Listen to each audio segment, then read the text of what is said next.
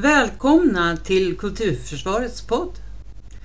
Syftet med podden är att göra konst och kultur till en valfråga inför valet 2022.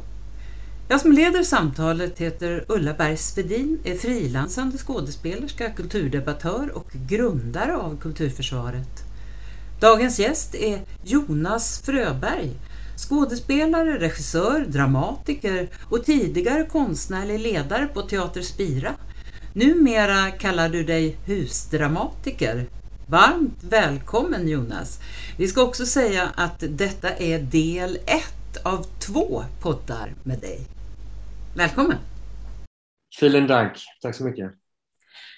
Vem är Jonas Fröberg och eh, vad arbetar du med för närvarande? Ja, alltså småbarnsfar blir ju under de här åren så är det en väldigt härlig men dominerande upplevelse av livet. I konsten och med de olika arbetsplatserna att se till att det fungerar med skolan och flickorna. Eh, så är det. Och vad jag arbetar med för tillfället, vi har precis haft premiär utav Pneuma vi beställde musik utav kompositören Paula Matthewson i New York 2016 var jag över och besökte henne. Och så fick vi den här musiken i januari 2018 och då var ju tanken att vi skulle lyssna och sedan skapa. Jag och eh, skulptören Per Ageli och Robert Bolin som regissör. Så jag började skriva och Per började göra modeller. Och, och nu har det blivit, har Robert på slutet satt ihop musik, skulptur och text till en föreställning. Så det har vi precis avslutat eh, spelperiod. Och Robert Bolin, det ska vi säga, det är nuvarande konstnärliga ledare för Teater Spira. Mm. Men du, eh, på den här frågan vem du är, eh, mm. ska vi gå tillbaka lite, du sa du småbarnsförälder, men den lille Jonas då, vem var han? Den lille Jonas? Ja. Min pojke som jag var en gång? Ja. ja, du.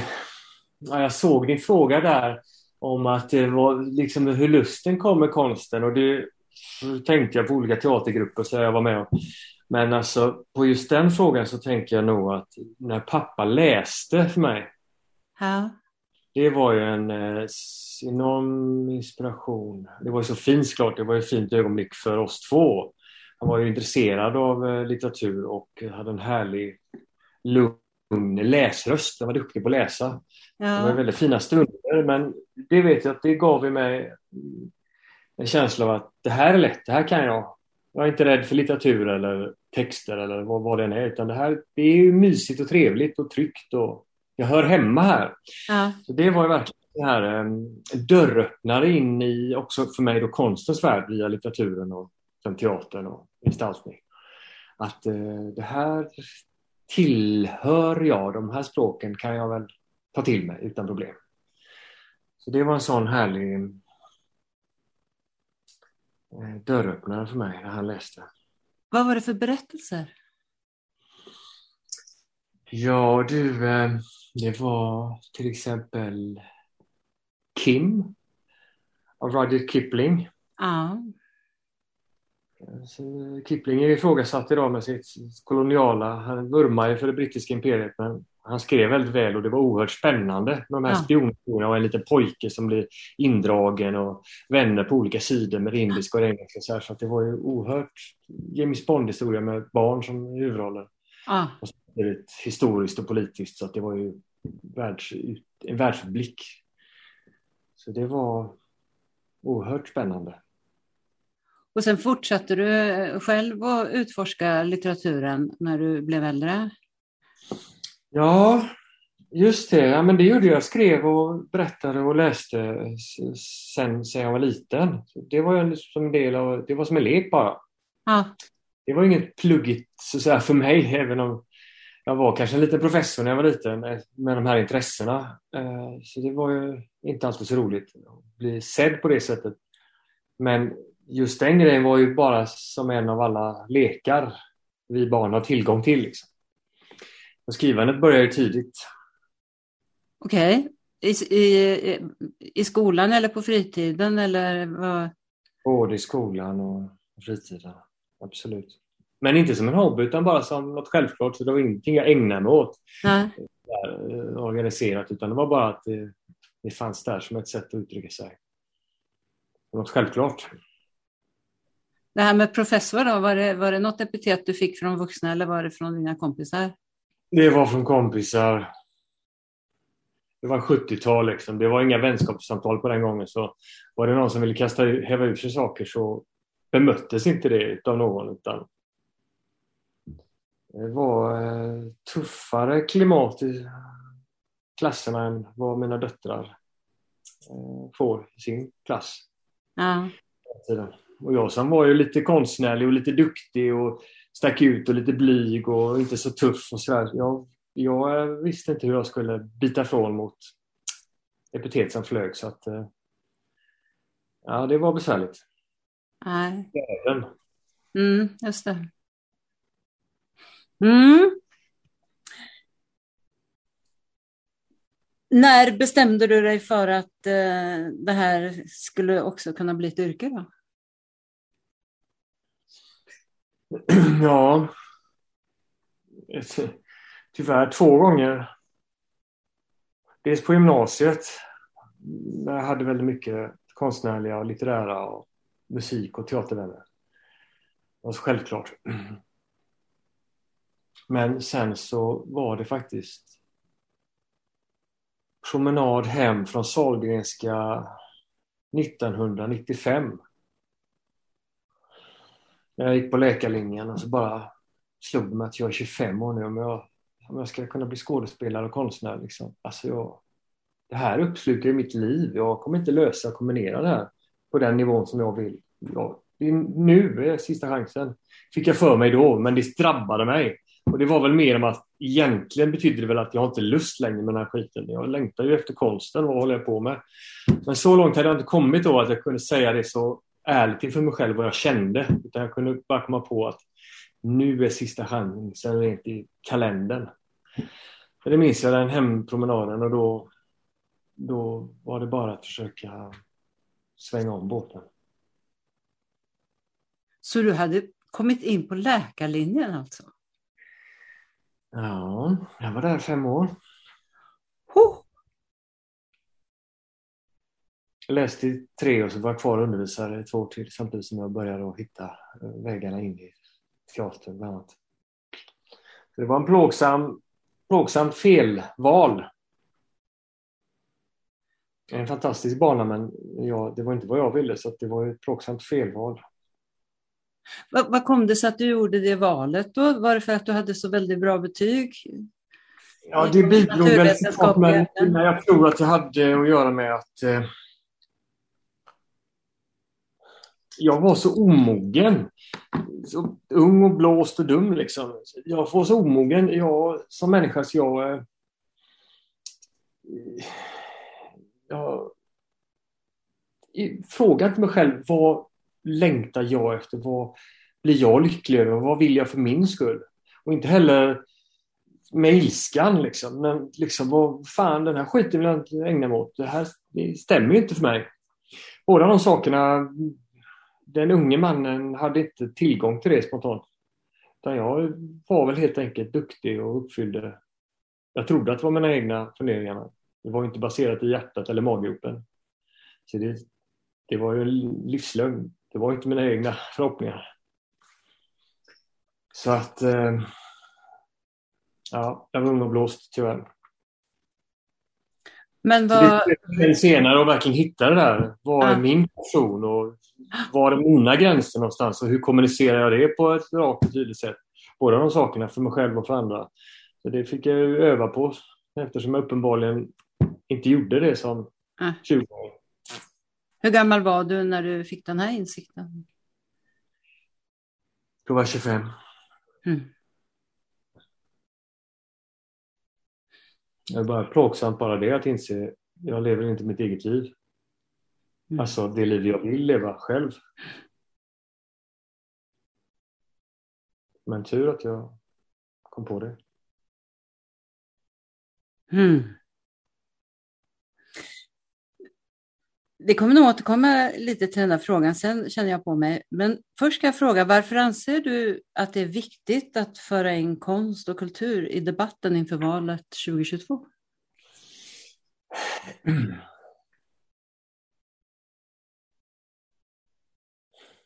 Alltså spontant så skräms jag lite inför den tanken eftersom det så lätt blir liksom ett slagträ. Och den väldigt eh, lilla kultur eh, och konstbudgeten eh, jämförs, ställs mot skola eller rättsväsende. Som händer ibland. Ehm, och så förs ingen debatt om någonting utan det blir bara någon slags slagträ som inte handlar om kultur och konst egentligen utan om liksom en liten aggressiv ton i argumentationen. Och det, då, då, då går det inte att jämföra. Det går inte sådana jämförelser. Så det skrämmer mig men det är klart att det är jätteviktigt för att eh, Ja, bland annat tänker jag på att vilken eh, rättvise och jämställdhetsfråga det är att ha mm. tillgång till kulturen. Jag, menar, jag tänker på det här med min pappa då, som hade en sån rikedom med sig. Mm. Och, och, kunde göra det så självklart för mig att ha tillgång trots att jag sen gjorde fel vägval. Att det var en lång bana för mig att hitta tillbaka till den lusten så, så berodde det på andra eh, missar i, i, mitt liv. Inte att jag inte kände att jag kunde eller var till, hade tillgång till den världen. För det mm. var självklart. Och det vet jag att det finns många barn och unga som inte känner så. Mm. De är värda det, kan de få för sig, för att saker de har fått höra eller fått uppleva i skolan eller i sin hemmiljö gör att de har för sig att det är inte deras värld för de platsar inte, de är inte bra nog eller de är inte intressanta. Eller helt enkelt att de inte de har inte fått chansen att upptäcka att det finns någonting. Mm. Läsa en bok, liksom. som att det inte skulle finnas någonting i det. eller ta del av konst de kanske inte har konfronterats med det överhuvudtaget. Men det här med att ha en inre röst som säger att jag platsar inte, jag, eh, det är ingen idé. Det har jag mött mycket när jag varit ute och gjort eh, skrivarworkshops. Mm. Med barn och unga och det är helt klart att det hänger ihop med eh, socioekonomiska faktorer. Mm. Man kan känna så i en rik stadsdel och man kan känna så i en fattig stadsdel. Men hur det ser ut i klassen och hur många vuxna lärare som, och hur många vuxna det är i skolan som kan hjälpa en att eh, hitta, hitta rätt. Och hur mycket, hur mycket ork de har, de vuxna som finns. Mm. Det påverkar jättemycket. Och är de väldigt utarbetade, de vuxna, och, och de är för få för den skolan, mm. det betyder det att då kan en hel grupp av ungdomar känna så utan att någon ens vet om det. Ja. Och då, eh, jag menar, högre utbildning är inte till för dem men inte heller skrivandet, läsandet, reflekterandet, det demokratiska. Jag som inte vågar stå upp för mig själv och säga nej fan det här vill inte jag. Det här är inte mitt liv. Jag vill följa min lust.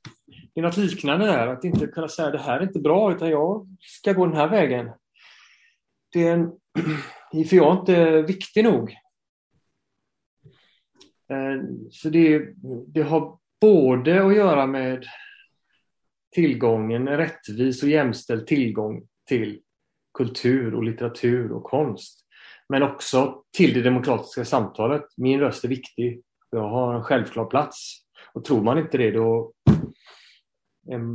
gör man sig lätt ett offer för populism som inte baseras på fakta utan på liksom, slagord. Och att manipulera människor som inte kan stå emot, tänker jag. Så det är oerhört viktigt. Ja, verkligen. Och precis som du säger också att det, eh, det finns, så att säga, inställningen finns i, i olika delar av samhället. Det, det, det, är inte, det, det, är inte riktigt klassbaserat fast det finns olika skäl till att man underkänner ett intresse ja. när det gäller konst. Ja. Det tror jag, eller det är i alla fall vad jag har mött, att eh, ja. det, det man, man, man har olika bevekelsegrunder för varför man tycker att det inte är något att ägna sig åt. Ja. Och jag som då skulle bli läkare, menar, istället för att och det fanns säkert ett klassperspektiv där att liksom, det är väldigt fint att bli läkare och det är väldigt tryggt att bli läkare. Mm, just. Så här, från, från mina föräldrars fattiga mina föräldrar, mina far och morföräldrars fattiga bakgrund så, så, så fanns det nog en sån anda som jag inte såg. Som kommer från vad jag tyckte var en trygg medelklass uppväxt som de hade kämpat till sig. Mm. Där, eh, men jag tror säkert att det fanns en sån syn på det. Men när jag är ute och träffar ungdomar så är det inte framförallt så här att pappa vill att jag ska bli eh,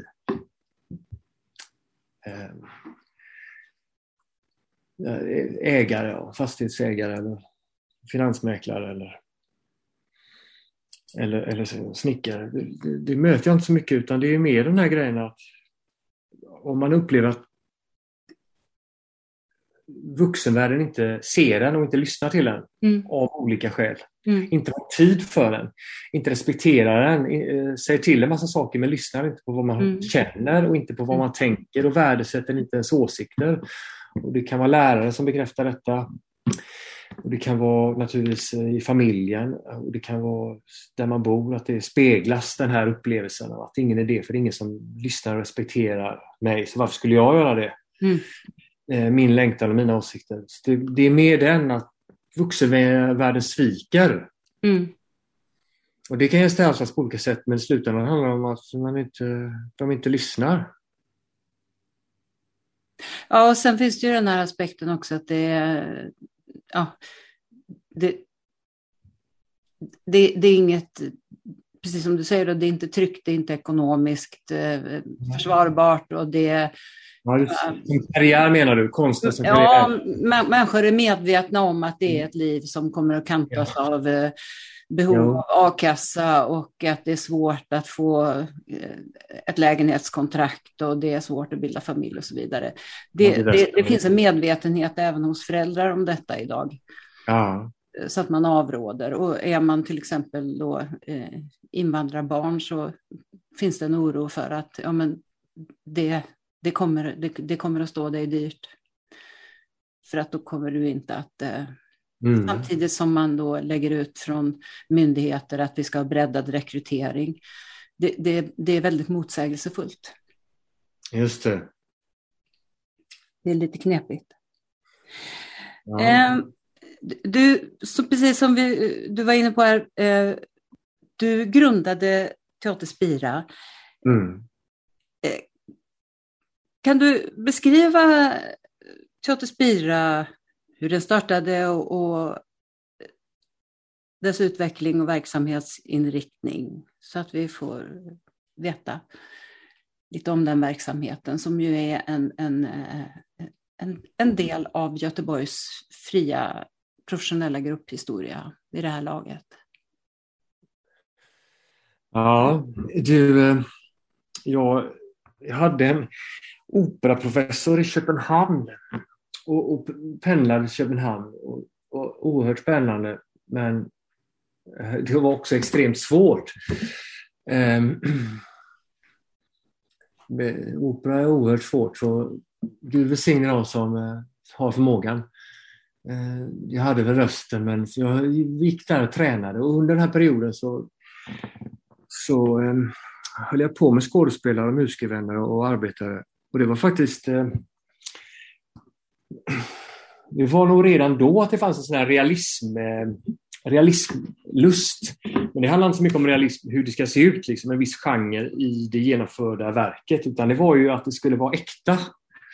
Mm. Mer som ett inre äkthetskrav, oavsett så här, humor eller satir eller tragedi. Och ett sätt som det gestaltade sig det var faktiskt eh, alltså fysiska improvisationer som jag jobbade med. Inspirerad av eh, bland annat Sören Larsson och Grotowskis metoder så som han har förmedlat dem till många i Västsverige och i Sverige. Så fint och generöst. Så det handlar mycket om att fånga äkta impulser i röst och i kropp och jobba med dem tills det blir någonting. Och bearbeta det materialet vidare. Så början av min dramatiska skrivarbana var ju faktiskt improvisera fram föreställningar på scenen. undertid till, eh, till ett färdigt verk. Så, så där började vi och då var det jag, skådespelarkompis och fem stycken musiker som började. Så då var det ju sanning som hände. Sanningen om samhället och sanningen om kärleken och konsten. Så som vi tyckte. Sätta allt på spel. Så det var en sån där eh, fattig teater, Grotowski, kroppen, det ska vara förankrat i oss själva. Var, eh, jobbade eh, ni med, passionerat, men det var också jobbade ni också med vi, musikteater? Vi något att säga. Ja, det var... Alla våra tidiga produktioner var på olika sätt det tydligaste och ett väldigt lyckat tidigt exempel var ju då när jag använde erfarenheter från läkarlinjen och från eh, mitt extraarbete inom vården. Mitt möte med eh, döende människor och deras anhöriga och deras personal. Just det. Jag skrev en, en då, då var då jag började skriva, så jag skrev ner det här och naturligtvis anonymiserade så att det inte bröt mot någon sekretess någonstans. Men eh, baserat på väldigt många möten så skrev jag en pjäs om två döende personer och två anhöriga som hette Grönt gräs ska spira över mig. Och då eh, jobbade vi med det, men så kom vi fram till att vi skulle ha livemusik. Så vi jobbade med tre musiker på scenen och så var det jag som gjorde då fem karaktärer varav en kvinna med, med väldigt enkla medel. Det var ingen dragshow utan det var mycket enkla medel som särskilde fem karaktärer. Och det var ju väldigt allvarligt. Ah. Men det var ju någonting med också den här realismen som också är via musiken. Det var lyssnandet bland annat. Den fina tonen som de här killarna hade i ensemblen. Och hur de lyssnade till pjästexten och hur musiken, deras samspelda lyssnande, det var, så det var en kvalitet av lyssnande som var så viktigt i mötet med de här människorna på riktigt. Att våga närma sig det, det, det svåra som det är närma sig döden som anhörig, ja. som, som drabbad, som vi alla är förr eller senare. Så den kvaliteten av lyssnande var ju en del utav, det gestaltar vi, tänker jag, med tre livemusiker och en skådespelare. Men var, alltså, hur gjorde du? Alltså, hade du? Var du nattvak eller någonting sånt då? Så att du bad dem att få prata med dem? Eller hur, hur gick du tillväga för att få de här samtalen? Det är ju rätt känsliga saker. Ja, det var väl helt enkelt så att när jag sommarjobbade väldigt intensivt och tog så mycket som jag kunde för att få in lite cash helt enkelt under ett antal år, då blev det så att med alla sommarvikarier som är på sommaren, bland undersköterskor, sjuksköterskor och läkare, så är det ju då jag som vikarierande biträde som är där varje dag ja. under två månaders tid, som är den som man kan prata med, som vet. För andra, de andra kanske inte har någon aning för de har precis kommit dit för de är sommarvikarier bara den veckan och sen är det någon annan. Och då, men då blir jag som sköter om personen. Jag blir den som man vänder sig till. Mm. Både personen själv och den anhöriga. Så att genom helt enkelt att daglig närvaro i ett lite kaotiskt sommarvick-schema mm. så blir jag, eh, utan att på något sätt be om det, så blir jag bara eh, konfident. Mm. Så var det nog. Och jag, jag rädd, räddades inte heller vården så att jag kunde ju svara på frågor. Ja. Vem ska man prata med? Vad kan det här betyda? Och jag ja. vågade lyssna om det var något smärtsamt så det var inga konstigheter. Men det gjorde ju också att utan att be om det så fick jag en massa samtal. Ja. Och var, var anhöriga och så såg den här föreställningen också? Det här var långt senare som jag skrev ner det. Mm. Formulerade det och som sagt kanske möten med hundra personer formulerade ah, ja. en mm. karaktär. Ah, ja. mm. Det var ju väldigt viktigt att det, ingen skulle kunna känna igen sig. Nej. Med, med sekretess och så. Att, mm. men, eh, men visste de om att du, att du gjorde det? Så att säga? Eh, nej, nej, det gjorde de inte. Så var det. Och det nej. visste inte jag heller om utan det var i efterhand som jag insåg. Ah, jag sitter på alla de här berättelserna. Just det. Och så ringde jag upp och förhörde mig också hur kan jag göra så att jag respekterar sekretessen. Ja. Och kollade av det liksom med, med vården. Vad som är korrekt. Så i det här fallet var det ju att jag själv som författare i efterhand insåg att jag hade en research som jag inte då såg som research. Nej, just det. Eh, senare har jag varit bevisst från början och arbetat med det på ett annat sätt. Men, Ja. men den här vändan var det på det sättet.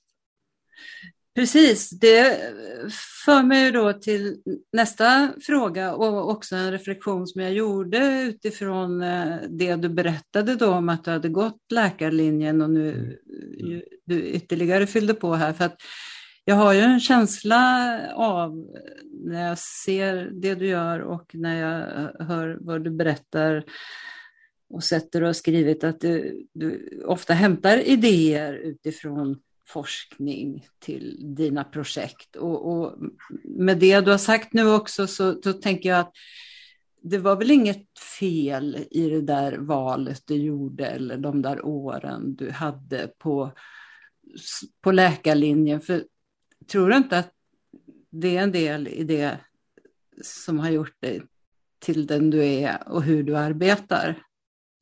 Ändå. Du har ju som det är att du förmedlar vetenskap levande och enkelt. Eh, jag tänker, är inte det också en, en slags mission du har? Ja, kanske. Jag tänker på det där i början, den här ärlighets... Att utforska realism och vad det var för mig och för oss.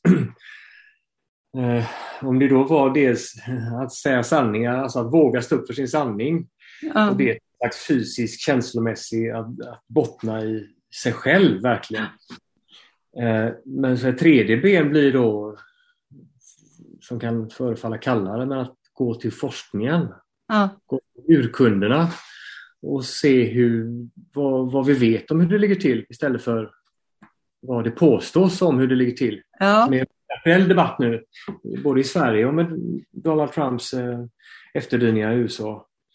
Att det är så mycket eh, påståenden, rädslor och populism. Alltså, helt enkelt påståenden som inte grundas fakta. Ja, blir det, väldigt, eh, det blir en del av en realism att, att, och även det här jämställdhetstänket, att öppna dörrar. Nu tänker jag på barn och ungdomsföreställningar när man kan på något sätt eh, tillägna även vetenskap på roliga sätt. Och, ja, uppfinna små tröskelsänkare för många att se att det här är en värld som jag kan känna mig delaktig i. Så eh,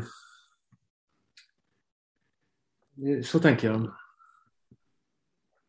Både ett sätt att nå, försöka närma sig en sanning och ett det är jämställdhets jämställdhetsarbete. Eh,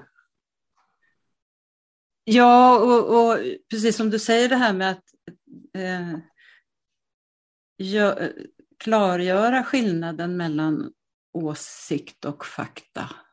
Just det.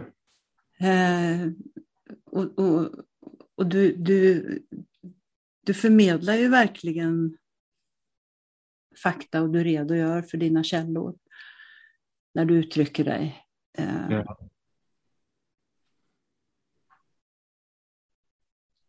Jo, men det har varit Ja. att eh, har ju samarbetat, i många projekt har vi samarbetat med forskare så vi vet att inte vi hittar på. ja, Vi är engagerade i någonting men hamnar fel därför att vi, vi saknar tillräcklig kunskap. Så det har varit en jätteviktig metod. Att ha med forskare i både i manusarbetet och sen också i föreställningsarbetet och arbetet att arbeta fram en diskussion, liksom ett, ett, ett samtal med publiken efteråt. Så att vi har på fötterna. Absolut. och nu arbetar du ju inom skolan på olika stadier. Eh, kan du inte berätta lite om vilken metod du använder där? Ja, ja det, det här arbetet under åren på Burgården med sju stycken gymnasieklasser har, har format eh, väldigt mycket av min uppfattning om metod.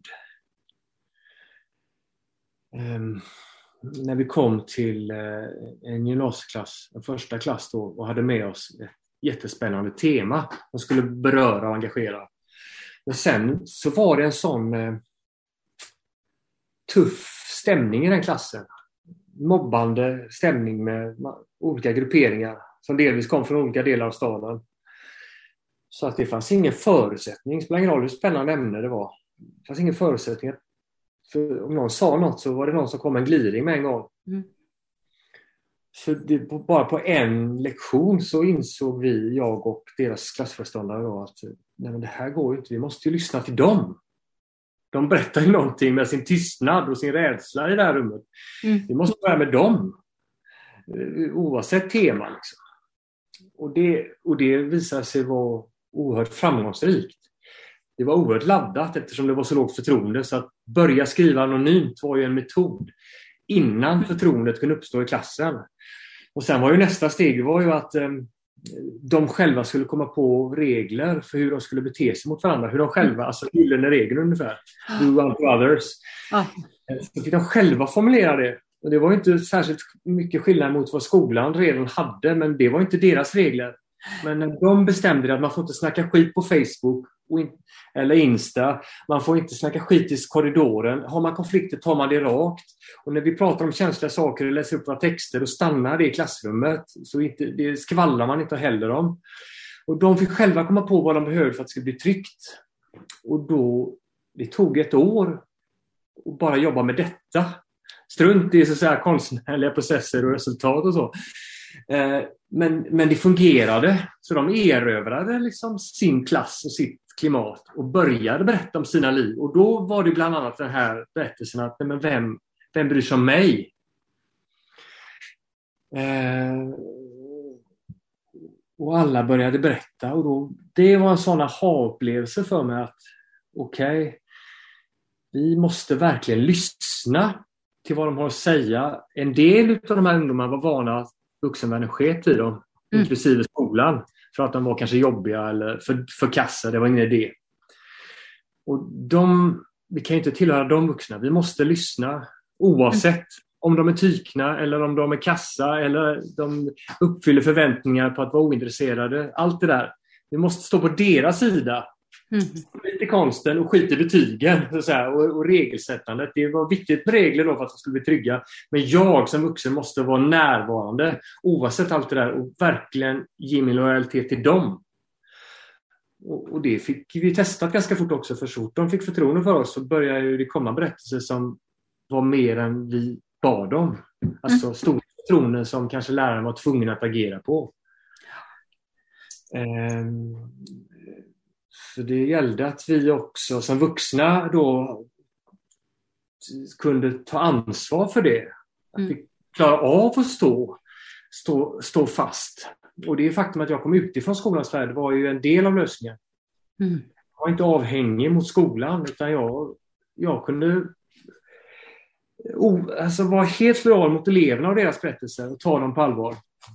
Och inte vara rädd på att jag skulle få konsekvenser i skolans värld för att jag brydde mig om fel saker. För den rädslan fanns eh, hos somliga som jobbade med de här ungdomarna.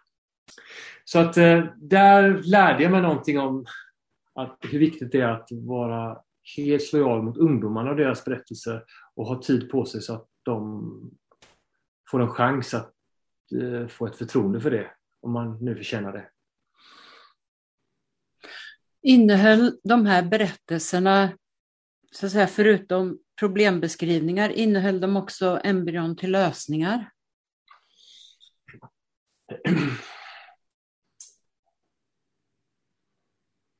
Ja, jag minns när de eh, då gjorde en bok som vi gav ut. Eh, och så de gjorde en föreställning med sina texter, så det var liksom bokrelease och föreställningen eh, med de här texterna också och det var många vuxna som var ditbjudna och ehm, de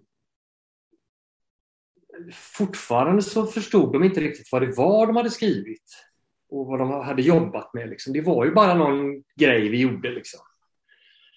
Och så fick de så starka reaktioner från vuxna. Det var både tårar men också att vuxna företagsledare som sa att de framstod som ledare med sitt mod och sin tydlighet. Och de blev helt chockade de här ungdomarna, positivt alltså. Ja. Att vuxna kunde se dem på ett sånt sätt eftersom de, flera av dem som fick höra de här sakerna var vana att bli sedda som losers i skolan. Mm. Hopplösa fall som inte var någon idé att kämpa med och så här. Eh, eh, och genom att de då kunde stå tillsammans och vågade berätta sina historier.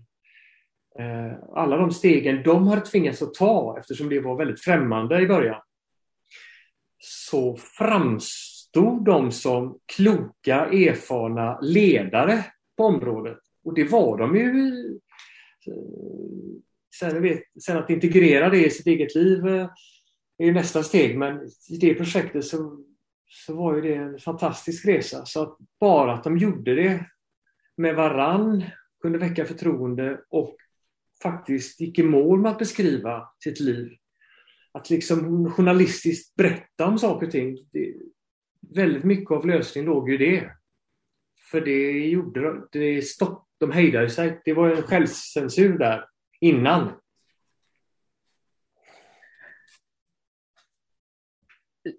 Tycker du att det finns så att säga, eh, beredskap eller vad man ska säga i skolan att, att fånga upp och ta hand om och, och så att säga, följa upp den här typen av erfarenheter? För jag tänker att det, det, görs, det görs projekt som är väldigt lyckade på många olika håll och sen så ja, men det, det är med en grupp, det kanske är med en klass, det kanske är med en generation. Men jag kan bli så väldigt frustrerad av att det görs projekt som är fantastiskt lyckade. Men sen så försvinner det med projektledaren eller med eh, en redovisning av projektet och så bockar man av och så säger man att ja, men det var trevligt, det var lyckat och så fint. Och sen är det borta på något vis och så förväntar man sig att nästa generation ungdomar ska bete sig på ett bra sätt tack vare att man har gjort det här projektet ungefär. Ja. Just det.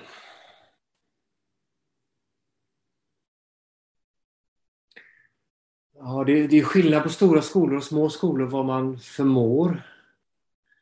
En liten skola kan ju vara mer informell och att vuxenvärlden, man känner varandra. Eh, så, så då... Men... men eh, ja, mina erfarenheter är ju att kommunen som arbetsgivare är ganska otydlig. Vilket gör att rektorerna... Rektorer, jag, mötte, jag har mött rektorer och lärare som blir utbrända för att de står mellan att göra det som skolan förväntar sig och sin lojalitet mot eleverna. Ja. Och de som då göra det som skolan förväntar sig, det kanske är de lärarna som uppfattas som lite resignerade och då struntar i de som sitter längst bak som har inte någon idé att bråka med mer. Och de engagerade lärarna istället är isolerade och är liksom eh, oerhört engagerade med sina elever, med sin klass, men inte riktigt har ett forum att vädra den sortens pedagogik med. Mm. Man håller uppe snarast i lärarrummet inför varandra.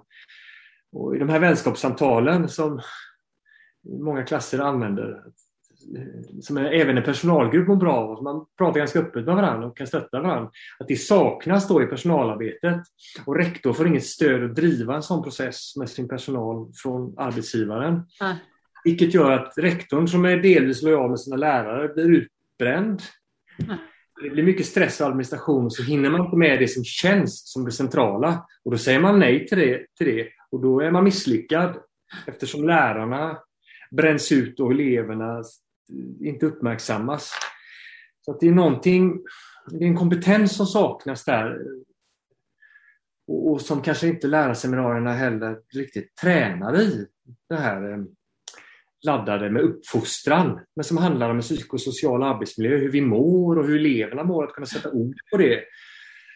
Att det borde att det är så laddat då för de ska komma dit och lära sig men för vissa är det så att de kommer inte lära sig om inte om inte miljön blir på ett mer accepterande sätt för dem.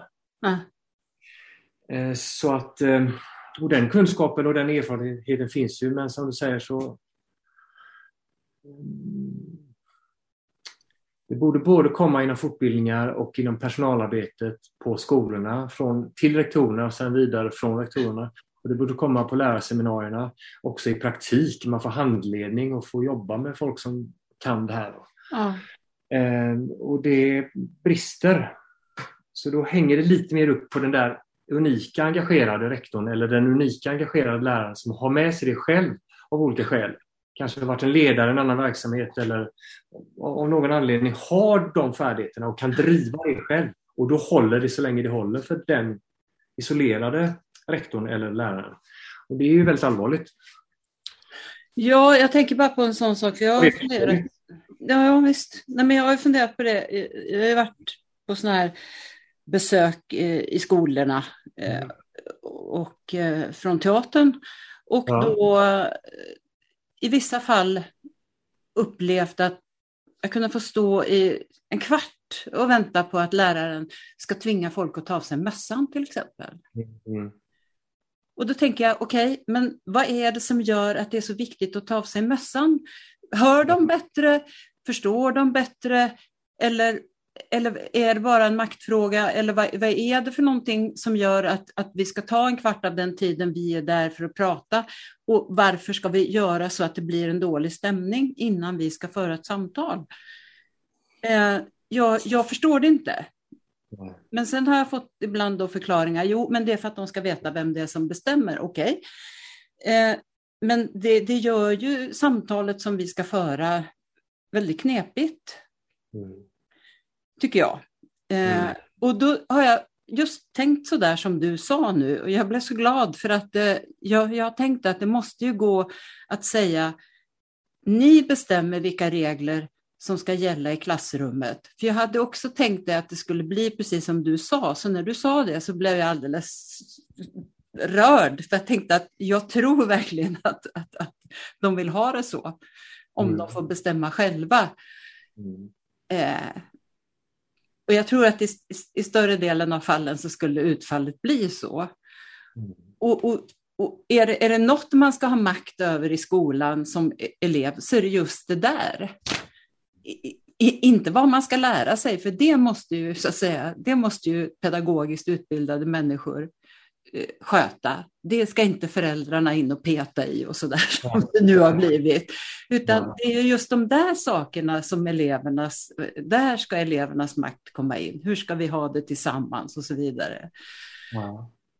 Eh, och, och, jag tänker, hur får vi nu, hur kan vi nu för, få till att föra ett samtal med den politiska nivån så att de förstår att det är just sådana här saker vi ska diskutera, inte återinföra ordning och vad fan det nu hette som vi hade i skolan. Eh, betyg i stora A skulle man ha naturligtvis.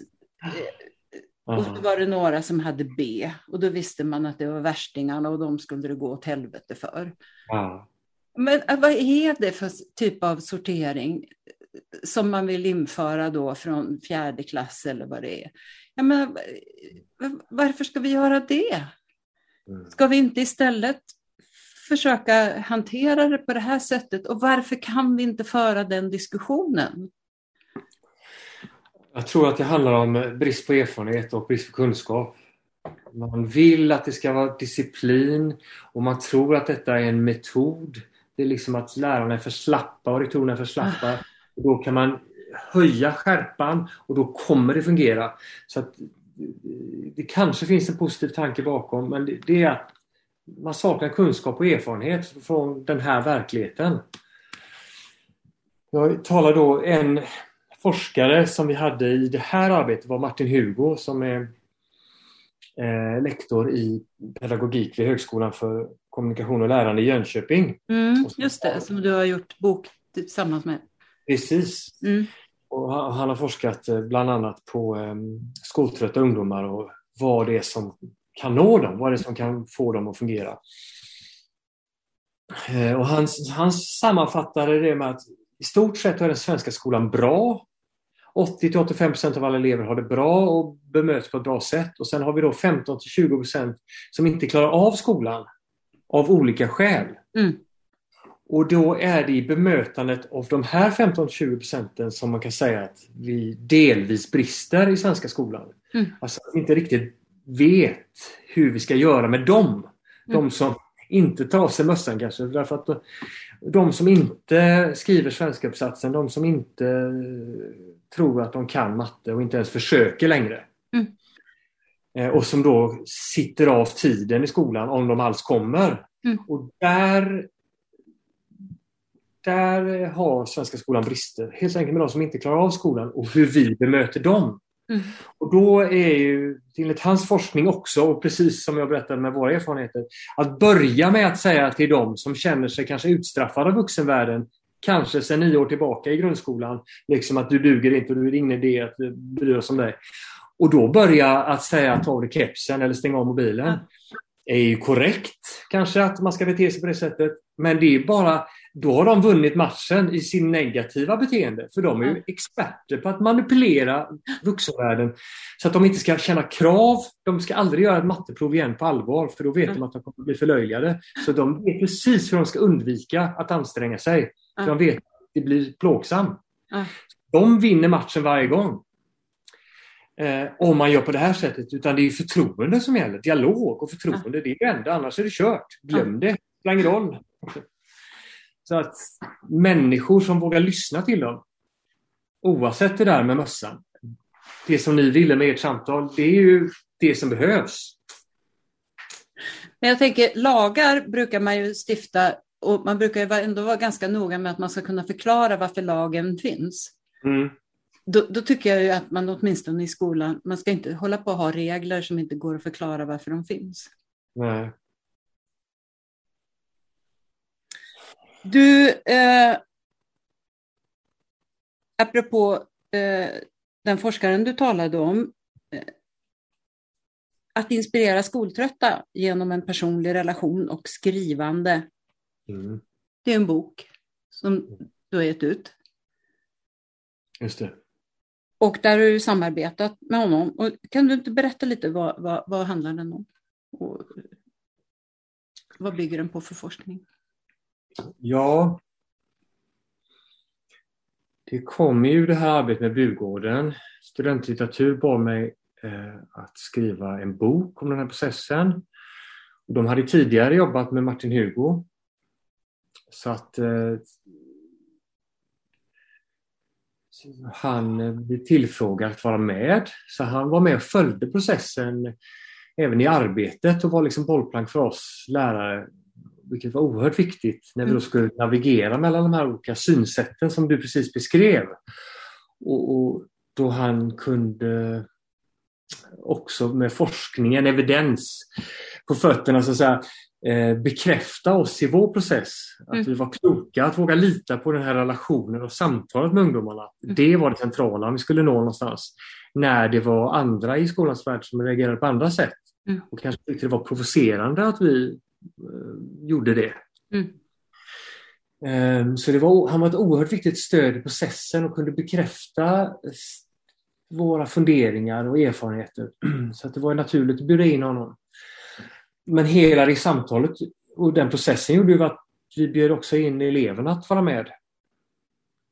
Så Martin fick skriva sitt kapitel och ungdomarna fick ett erbjudande om att kommentera varje kapitel eh, Eh, med vad de tycker och kritisera om de vill och ändra om de vill. De fick final cut i hela boken så de läste igenom allting, föreslog förändringar och skrev sina essäer och kom med kritik som vi tog med i boken. Så det var ju verkligen en del av den metoden att gestalta den. Att de fick final cut på boken så det verkligen stämde med deras upplevelse. Och det var ju mycket som stämde men de kom med sina åsikter och sina ändringar. Så var det. Och, och eh, Martin eh, han hänvisade till sin forskning och annan forskning eh, men han förde, det gjorde han absolut, så det var ju viktigt, men han förde med ett resonemang precis om det här synsättet som är så viktigt. Att eh, ungdomarna måste kunna förstå det de håller på med. Man måste möta dem på deras nivå för annars är det inte kul. Eh, det måste vara på riktigt för dem för att det ska motivera. Om man tror man är kass så motiveras man inte med löften om betyg. Men om man får skriva om sitt eget liv och man märker att det tas på allvar så plötsligt så blir det viktigt och Mm. roligt. Mm. Och plötsligt skriver man så pennan glöder. Eller om man kanske börjar med att berätta innan man skriver för att man tycker att det är för svårt att skriva. Mm. Så plötsligt så berättar man och skriver så pennan glöder utan att man tänker på att man är duktig. Så det kan jag säga då som en kommentar att den här klassen som jag berättar om nu, deras betyg steg ju jättemycket Ja, under de här två åren som vi höll på. eller hur? Och vilka betyg skulle stiga av att man springer omkring och säger ta av dig mössan? Eller att nu ska vi införa betyg i ordning och uppförande. Nej, jag håller med. Uh, Jag tror att det är att avhända sig problemet.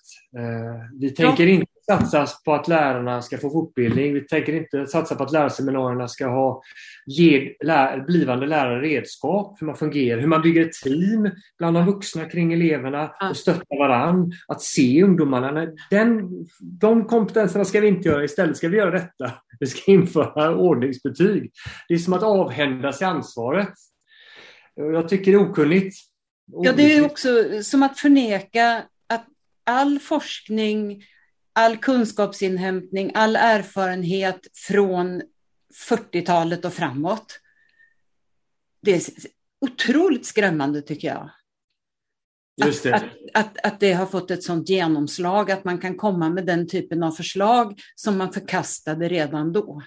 Det är lite hittepåpolitik, ja exakt. Det är slagordspolitik som inte har någon grund, varken i erfarenhet, beprövad erfarenhet eller i forskning. Så att det är, och att man gör så som politiker.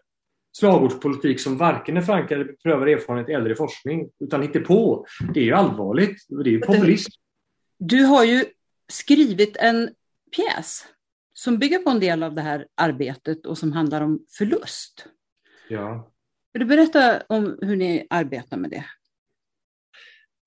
Jag har gjort skriva-workshops eh, runt om i Göteborg och i regionen nu under några år med mellan högstadium och faktiskt förskoleklasser.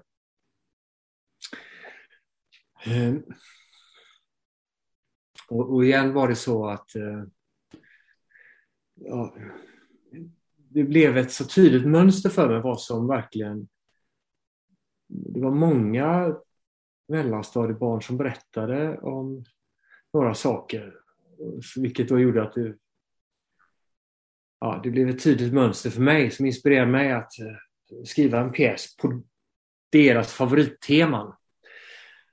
Och familjen var ju, alltså kompisar i skolan i all ära, men familjen var nog det mest intressanta att berätta om. Allt roligt som händer och mysigt som händer med familjen. Och man kan, hur jobbigt det kan vara med lilla syskon och stora syskon och så vidare.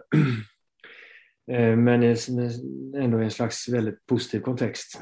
Så det var många berättelser om det. Men så var det många som också berättar om saknad. Till exempel en farmor som var sjuk eller en farfar som hade gått bort som var så himla rolig eller härlig som man alltid besökte på somrarna. Eller, eh, som stod för någonting oerhört positivt för dem. Eh, och Det kunde vara till exempel en mamma som hade valt att flytta ifrån familjen eller en syster som var kvar i det land man kom ifrån. Av någon anledning. Och det här var oerhört starka berättelser. I det här positiva då att någon saknas. Ehm, Det var det, var det, det, var det starkaste liksom, de hade att berätta om och det berörde dem också. Om någon berättar om sånt här så blir de andra väldigt berörda av det. Men de uppfattade det positivt. Det var viktigt. Det var viktiga berättelser att få berätta om farfar. Eh, jag, jag tror inte att de andra visste det om det här om min farfar. Liksom, det var så här, det var viktigt. Farfar var en så viktig person och nu är han borta. Ja. Eh, så det var ju kärleksfulla berättelser men också hemska och trasiga såklart som det är med förlust och saknad. Eh, det, det var inte egentligen överraskande men det var, blev små, små, små människor som berättar på ett väldigt moget sätt om känslor. Så här EQ-kompetenta människor, både i lyssnandet och respekten till varandra och i det egna berättandet. Det var väldigt fint. Eh, så det inspirerar mig att eh, då igen, inte sno deras berättelse men inspireras av den här tematiken och skriva om det mm. för att kunna komma tillbaka och fortsätta föra samtal. Mm. I början hade vi tänkt att faktiskt göra det till vuxenföreställning men sen så när, eh, åtminstone så börjar vi att spela för barn och unga. Komma tillbaka till dem och se till att det finns gott om tid för ett samtal efteråt så att varje ny grupp av unga vi möter får chans att i någon mån i alla fall berätta sina reaktioner, sina funderingar och kanske sina berättelser också. Så det fortsätter. Och eh, den, den kommer att ha premiär i slutet av januari nästa år. Ja, det visste det var planen. Det kanske blir något senare. Du vet, frilansscheman och sådär. Ja. Pusslar och pysslar och knåpar och knådar. Ja. Det är riktigt. Eh, det är på gång, ja. Och därmed säger jag tack så mycket för del 1.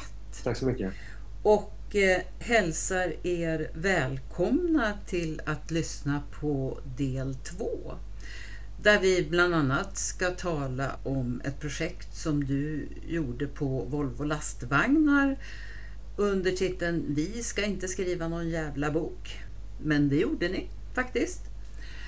Och eh, vi är ju också på väg in i en eh, valrörelse och du har skrivit en hel del om hur samhället ut, eller ska vi säga avvecklats baserat på att du har studerat bland annat en filosof och ekonom, Friedrich Hayek. New Public Management eh, kan vi väl säga att det går att sammanfatta som. Och eh, det spiller ju också över på de konstnärliga områdena och du har eh, uttryckt dig en del om hur det är att leva under de förhållandena som det innebär att eh, leda en fri professionell grupp. Det ska vi tala om. Och eh, även om eh, det att du menar att det öppna demokratiska samtalets arena kommer att minska ytterligare om vi får ett maktskifte. Och det särskilda ansvar som du menar att konstnärer, skådespelare, journalister och författare bör känna för att ta debatten. Så varmt välkommen tillbaka Jonas och varmt välkomna ska ni alla vara.